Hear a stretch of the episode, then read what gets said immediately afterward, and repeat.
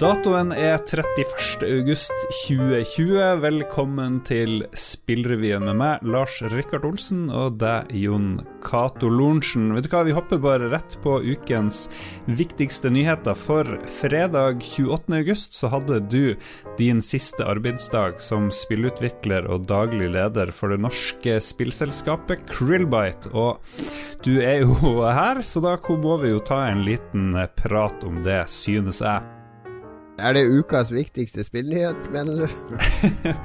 Nei, det er kanskje ikke den viktigste, men det er en av de uh, viktigste. I hvert fall for meg, og kanskje for deg. For jeg lurer jo på hvordan det er å gå av etter fem år som sjef for et av Norges eh, kanskje beste spillselskap. Nå er vi jo ikke helt uh, inhabile her, da, selvfølgelig. Takk for de fine ordene. Nei, det er, eh, det er vemodig, selvfølgelig, fordi jeg har jo blitt glad i Jeg har vært veldig investert i Krillbite i alle disse årene. Jeg er fortsatt ganske investert i Krillbite, og er veldig glad i den filosofien vi har i Krillbite, der kreativiteten liksom er i førersetet, og min jobb har vært å omsette kreativitet til noe kommersielt og skaffe finansiering og alt sånt. Så det er vemodig, men så er det også sånn at eh, fem år er ganske lenge.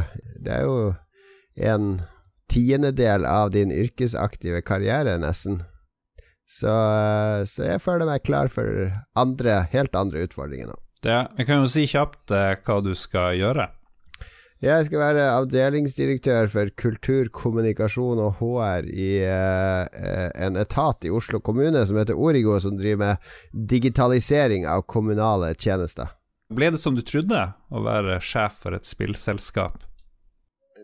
Noen ting var litt som jeg trodde, og så er det mye som eh, jeg har lært underveis, og det jeg kanskje har lært aller mest om er at jeg kommer jo fra mediebransjen i stor grad, der vi har raske prosjekter, eh, raske resultater. Man eh, snur på ting fort hvis ting ikke fungerer, mens i spill Altså, det spillet vi ga ut i fjor, Mosaikk, har vi jo jobba med siden jeg begynte. Så det å jobbe med veldig langsiktige prosjekter som kan endre seg underveis, og kommunikasjon og strategier rundt de, det veldig, uh, har vært veldig lærerikt. Ja. Er det noe du har lært som du kommer til å ta med deg videre fra Krillbite til din nye jobb? Uh, ja, veldig mye. Veldig mye med personal, rekruttering, utvikling, kulturbygging osv. Uh, eh, jeg føler at jeg har vært med å bygge Krillbite til et veldig et selskap som, uh, som, har en veldig fin firmakultur, som jeg håper de ivaretar videre. Hva du tenker om norsk spillbransje i dag? Nå skal du jo forlate den. Noe, er det noe du irriterer deg over? Er det noe som er bra? Hva er tilstanden, sånn som du ser den, i norsk spillbransje akkurat nå?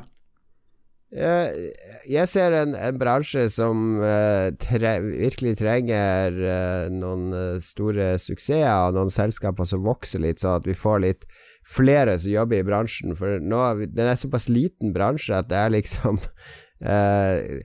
Kanskje feil ord, men det føles som det er litt sånn masse innavl i bransjen. Altså Nei. alle jobber på hverandre sine prosjekter, og, og alle kjenner alle, og det er liksom ikke Eh, vi mangler kanskje den erfaringa, og hvis vi ser til, til, Sverige, så er det masse folk som jobber i svære selskaper, og som lærer ting som da drypper ned på de nye som kommer opp, eller de mindre selskapene som etablerer seg. Så at i Norge så er vi liksom Vi er en kjerne av kjempeflinke, entusiastiske, lidenskapelige folk, men vi mangler den størrelsen som gjør at vi liksom kan ha enda mer kompetanse til å vokse og, og lage enda flere artige ting. Til slutt, er du helt ferdig i spillbransjen? Nei, jeg er fortsatt i styret til Krillbite, skal jeg være i et år. Eh, jobber jo fortsatt i Spillrevyen, hvis vi kan kalle det en jobb. Og driver med e-, events og sånne ting når det blir lov igjen, som spillquiz og, og andre ting. Så jeg kommer nok til å eh, Folk i spillbransjen kommer nok ikke Eller de som hater meg i den norske spillbransjen, de må nok finne seg i at jeg fortsatt vil dukke opp her og der. Vi er inne i enda en uke, og det betyr enda flere nyheter om Epic versus Apple, og noe av siste nytt er jo at Eh, Microsoft støtter Epic og har kasta seg inn i det her. Kevin Hamill, daglig leder for spillutvikleropplevelser hos Microsoft, sier at Epics Unreal Engine er en av de mest populære spillmotorene tilgjengelig for utviklerne i dag, og sånn som Microsoft ser det, så er det få andre alternativer som kan tilby like mange funksjoner på tvers av plattformer som IOS.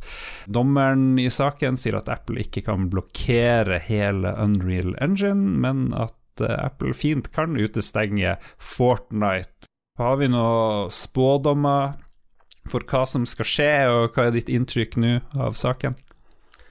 Nei, jeg tør ikke å spå noe her. Eh, det er jo en full krig. Nå, Apple har jo også sperra kontoen til Epic Games, altså utviklerkontoen deres, så de har rett og slett blitt kasta på huet og ræva ut av AppStore nå. Altså, jeg håper jo egentlig at man åpner opp disse plattformene mer. At det ikke blir uh, dette monopolet, eller tyranniet, som noen vil kalle det, der uh, hardware-eieren bestemmer absolutt alt. Mm. Jeg syns det her er en viktig sak å følge med på, i hvert fall. Ja, det har store ringvirkninger for bransjen, og vi, vi elsker jo å snakke om Kina i vår podkast. Uh, vi skal vel snakke om Kina etterpå òg, men, uh, men, altså den ytterste konsekvensen, hvis noen lurer på hvorfor dette er viktig, den ytterste konsekvensen av hvis Apple og andre aktører får 100% bestemmelsesrett over alt som skal publiseres, og hvordan det skal publiseres, og hvem som skal betale hva på sine plattformer, er jo sånn som de har det i kino der, ki, I Kina. ja. Er jo sånn som de har det i Kina, der alt skal godkjennes av kinesiske myndigheter, og du må tilpasse spillene dine og innholdet ditt og gis ut via offisielle Eh, tjenester og Twitter-kontoene dine, dine sosiale medier-kontoer som utvikler, blir granska av kinesiske myndigheter for å se om du har skrevet noe kritisk mot det kinesiske regimet, som da kan føre til at spillet ditt forsvinner. Ikke sant? Det er jo den ytterste konsekvensen av å ha et diktatur som bestemmer nøyaktig hva som skal og ikke skal slippe til eh, i vårt land eller på vår plattform. Så det er derfor det er en viktig uh, etisk diskusjon i bunnen her. Bør Apple ha denne redaksjonelle retten, altså det, dette Eh, denne lukka plattformen der de kan utestenge alt de ikke liker. Og Det har vært mange nye historier som kommer til overflaten, blant annet dansk e-post Eller eh, tech-selskap som skulle lage en svær sånn e-posttjeneste, uh, ja. som uh, også ble blokkert av Apple, fordi uh, Apple blokkerer alt som, som, stopp, som kommer i veien for deres egne tjenester. Du kunne hatt en offline-modus for Spotify på Apple Watch, men det, det ønsker ikke Apple, fordi da vil folk høre på Spotify i stedet for Apple Music når de skal ut og jogge uten telefonen sin i lomma. Så det er, det er mer og mer sånne småting som virkelig gjør at Apple fremstår som mer og mer tyrannisk, og ja, det blir spennende å se hva som skjer.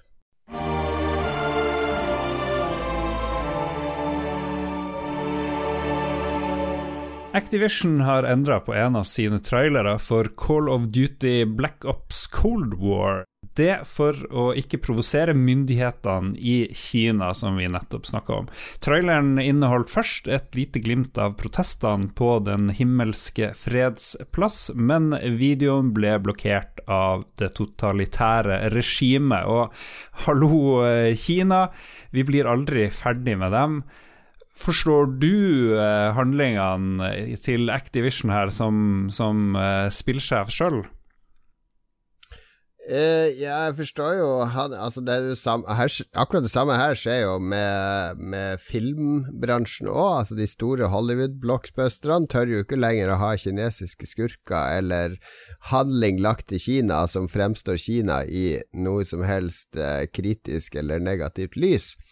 Eh, som regel er det motsatt, at du har en eller annen kinesisk vitenskapsmann eller eh, spion eller noe som hjelper helten og blir framstilt som, eh, som eh, i positivt lys.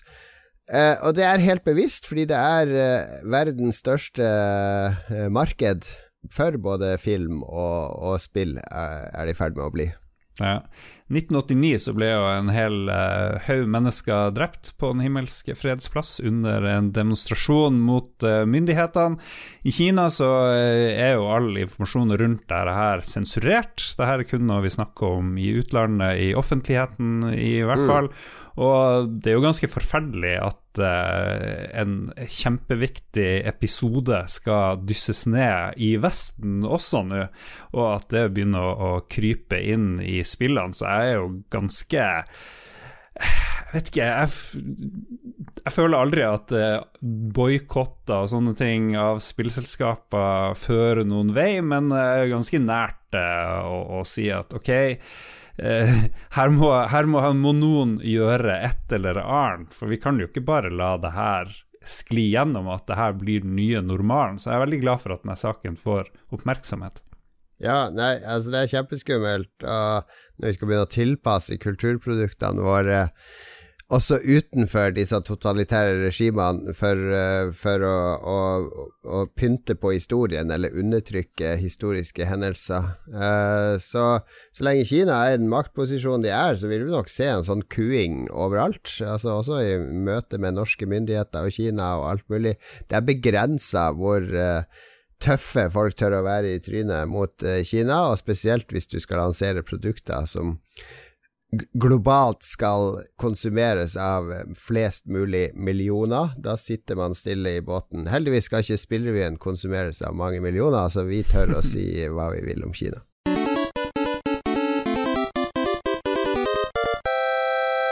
En av verdens største spillmesser, Gamescom, ble ikke helt eh, avlyst. 27.8 så holdt de det de kalte Future Game Show, der en rekke kommende spill ble vist frem. Blant annet en VR-variant av Sam og Max. og mange andre ikke sånn kjemperevolusjonerende nyheter, men eh, sånn rent personlig så ble jeg veldig glad da jeg så at uh, den tyske Turrican-serien fra selskapet Factor 5 er tilbake. Mange trodde at her kom det noe helt nytt, men det viser seg at det er Amiga-versjonene av Turrican 1-3 pluss Super Turrican 1 og 2 fra Snes blir porta til Xbox og eh, PlayStation helt på tampen av eh, denne generasjonen. Og mens jeg roper woho, så er jeg litt mer eh, kritisk når jeg tenker på hva du kommer til å synes om sånne her type nyheter.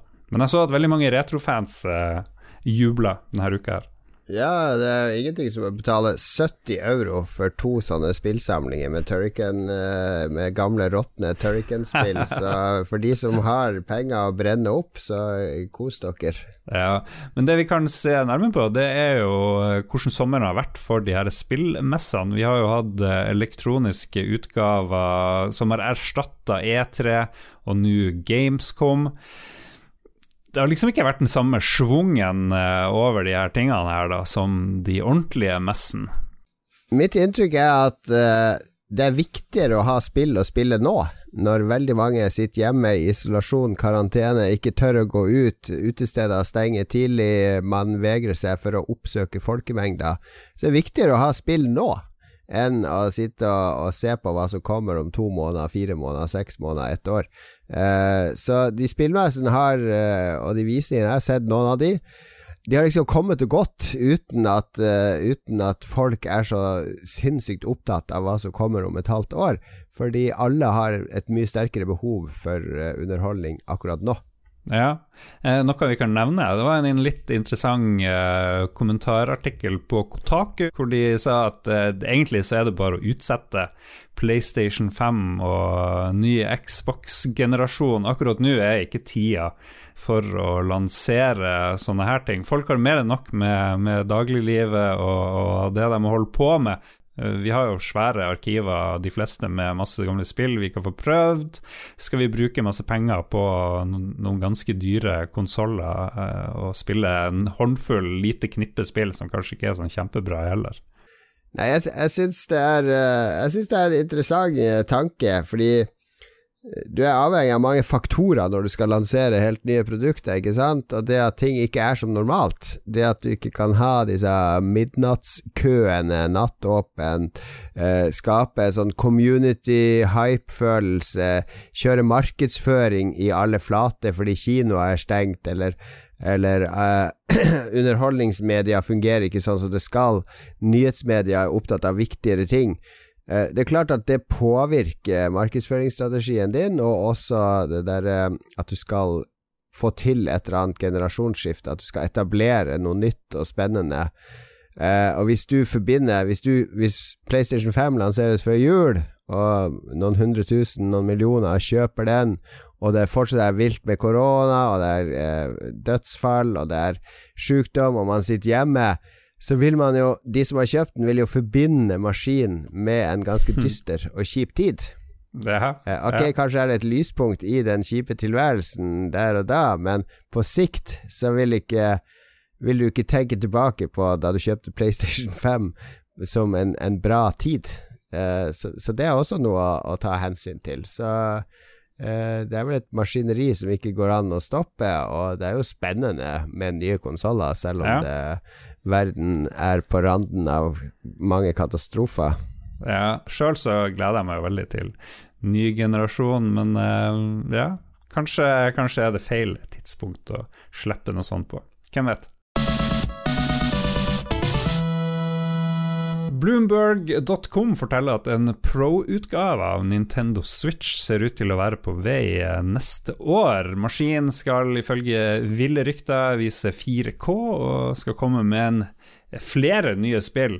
Jeg lurer jo litt på hvor mye vi skal stole på de ryktene. Det ble sagt også at det skulle komme nyheter om det her kanskje 28.8, men det skjedde da ikke ikke. Nvidia, som står bak mye av tekken i Switchen, har jo gjort mye nytt, så det kan jo hende de har noe å, å bidra med her. Men det viktigste spørsmålet er kanskje trenger Nintendo å refreshe sin Switch nå når det mest sannsynlig kommer nye, nye konsoller? Jeg vet ikke om de trenger det, egentlig, fordi det veldig mye kjører veldig bra på Switch, selv om den ikke klarer dagens spill like bra som dagens konsoller.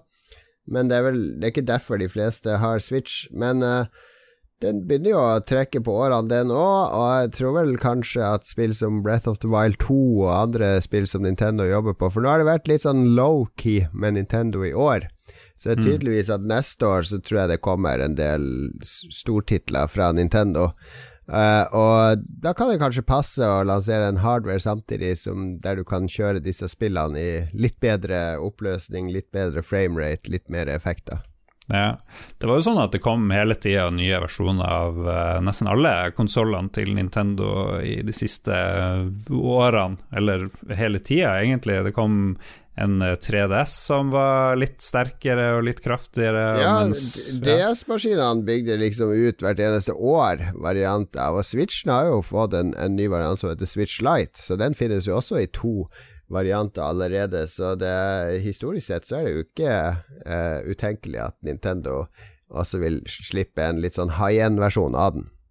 Men jeg tror ikke folk skal forvente seg en PlayStation 5-konkurrent eller en Xbox One Series X-konkurrent, fordi de uh, Det er ikke det markedet, og det er ikke den teknologien Nintendo sikter på i det hele tatt, men en noe forbedra Nintendo Switch, det, det håper jeg at de tenker på.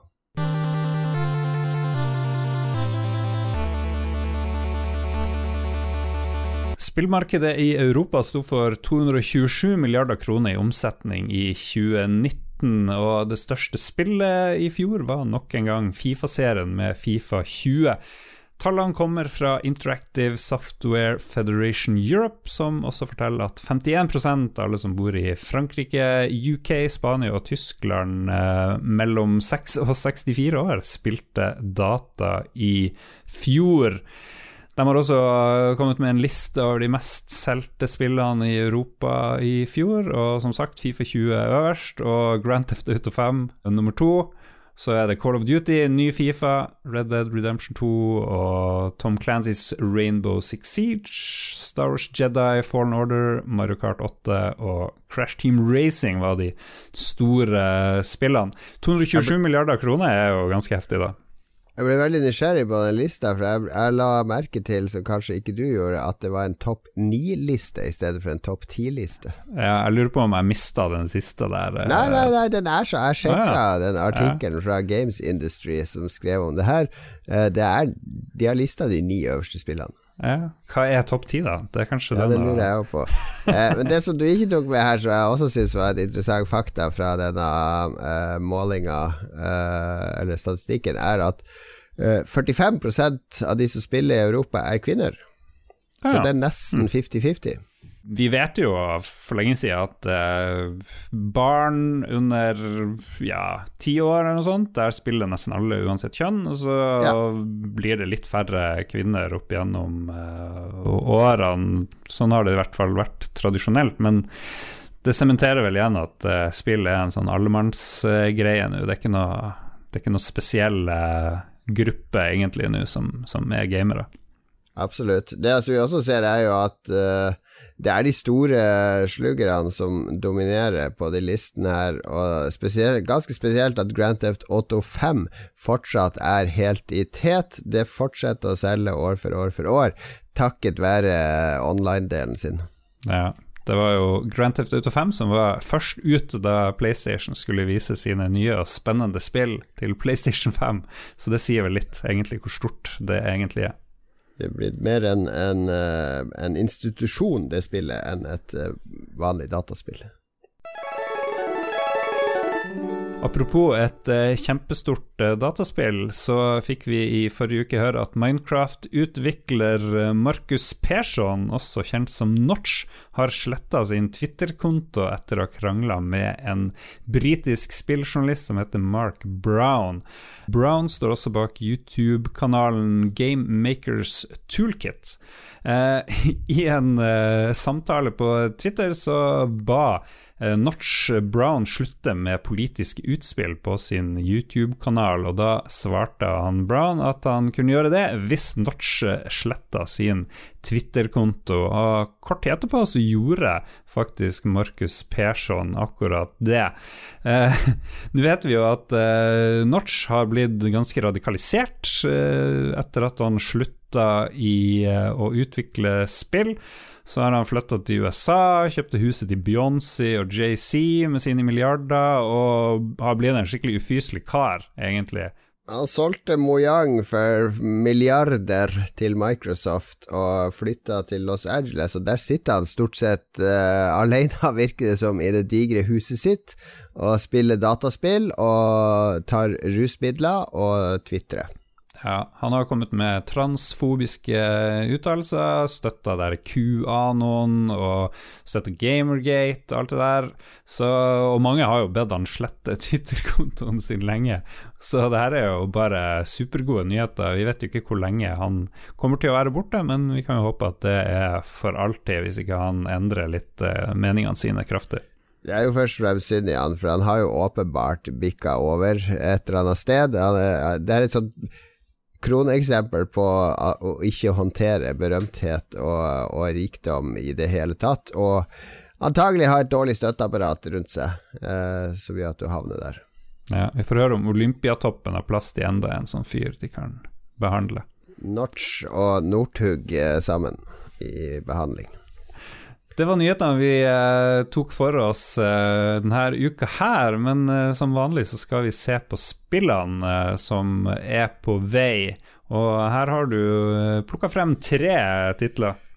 Tre titler som vi synes fortjener litt oppmerksomhet denne uka. Det ene er jo fra våre svenske venner i Paradox Interactive. De har spesialisert seg på dype strategispill. Lager de mye av, og har de egentlig nesten domi fullstendig dominans av på PC-markedet. Og de kommer med et nytt kapittel i Crusader Kings-serien, som er sånne historiske eh, strategispill med masse familiedrama og andre ting. Uh, ser spennende ut for de som har mange hundre timer å investere i, i dette. Ja, nei, det, vir- det er jo veldig artig å se folk som spiller det, og så skriver de historie. De lager nesten noveller om hva som skjer, og det anbefaler jeg folk å sjekke ut. Uh, Crusader Kings fanfiction på et eller annet vis, nesten. Veldig morsomt. Strategispill med dette eh, sånne narrative Emerging narratives er litt morsomt. At de ikke er så kliniske lenger. Og så har du eh, storspill fra Square Enix uh, og uh, Disney. Eh, nemlig Marvel Avengers. Eh, nå kommer hele den der eh, superheltgjengen som har herja på kino nå i mange år, i spillform. eh, I et spill som eh, mange stusser litt når de ser trailere fra det spillet, fordi Thor og alle de andre heltene som de kjenner fra lerretet, ligner ikke helt på skuespillerne. Nei, det er vel noen avtaler de har eh, om at kan, man kan bruke deres likhet i filmene de lager, men når det gjelder spill, så skal de sikkert ha ganske heftig kompensasjon, og det vil eh, spillutviklerne ikke punge ut med. Og det, det gjør jo at det ser litt sånn Det ser nesten ut som eh, de her ekte skuespillerne, men ikke helt, og så blir det bare litt sånn weird. Det er jo en, det er jo en detalj i det hele, da, men det er jo en Ja, interessant det- detalj. Det er bieffekt av at eh, grafikken har blitt så realistisk. For jeg husker det her var en greie på 90-tallet òg, med spill som Die Hard Trilogy på PlayStation 1 og Mission Impossible på Nintendo 64. Mission Impossible, så vidt jeg husker, hadde ikke rettigheten til å bruke likheten til Tom Cruise. Men var, eh, grafikken var så blokkete altså, at de kunne lage noe som er det Tom Cruise? Altså, det er sikkert noen advokater som har tenkt at det er akkurat ulikt nok til at vi kan la det passere, så, så, så det gikk greit. Men nå så ser jo alt tilnærma fotorealistisk ut, og da, da skurrer det jo med en gang for de kidsa som elsker eh, filmene, som ikke får, får utseendet til skuespillerne. Og så kommer eh, et av eh, de mest kjente og kjære skatespillene dukke opp igjen. Mm. Tony Hawk-serien var de som starta eh, en hel sånn undersjanger i sportsspill, nemlig disse sportsspillene der du leker deg rundt omkring og skal lage streaks og komboer med, med skateboard i, i dette tilfellet, da. Tony Hawk Pro Skater 1 og 2 på PlayStation eh, var umiddelbare klassikere. Eh, da de kom, eh, revolusjonerte både hvordan man hadde soundtrack i spill, med sitt veldig tidsriktige punk- og hiphop-soundtrack. Og, eh, og så har det vært lite skatespill de siste ti årene. Tony Hawk-serien har ligget brakk. Skateserien til EA har vært borte, men nå kommer en remaster-versjon av de to første Tony Hawk-spillene, med noen nye elementer òg. Jeg tror Jack Black dukker opp i spillet, og, og et par andre figurer. Ja. Og hvis folk eh, heller har lyst til å spille et norsk skatespill, så kan vi jo komme med et lite tips eh, der òg, kanskje. På Apple Arcade så har du et briljant lite skatespill som heter Skate City, der du også kan skate i eh, Oslo av alle steder, laga av Agens her i Norge. Ja. Sjekk ut det. Det var det vi rakk av spillrevy denne uka. Du kan også høre på Lolbua, som kommer hver onsdag, og vår helt nye podkast Ragequit, som kommer på fredager, der vi ikke er med, men slipper løs de andre Vi, fra, vi fraskriver oss alt redaksjonelt ansvar for Ragequit, så det hører du på på eget ansvar. Absolutt. Og har du lyst til å støtte produksjonen av alle de her podkastene, så kan du gå på www.patrion.com slash lolbua. Har du noen gode råd eh, for folk i uka som kommer, Jon Cato?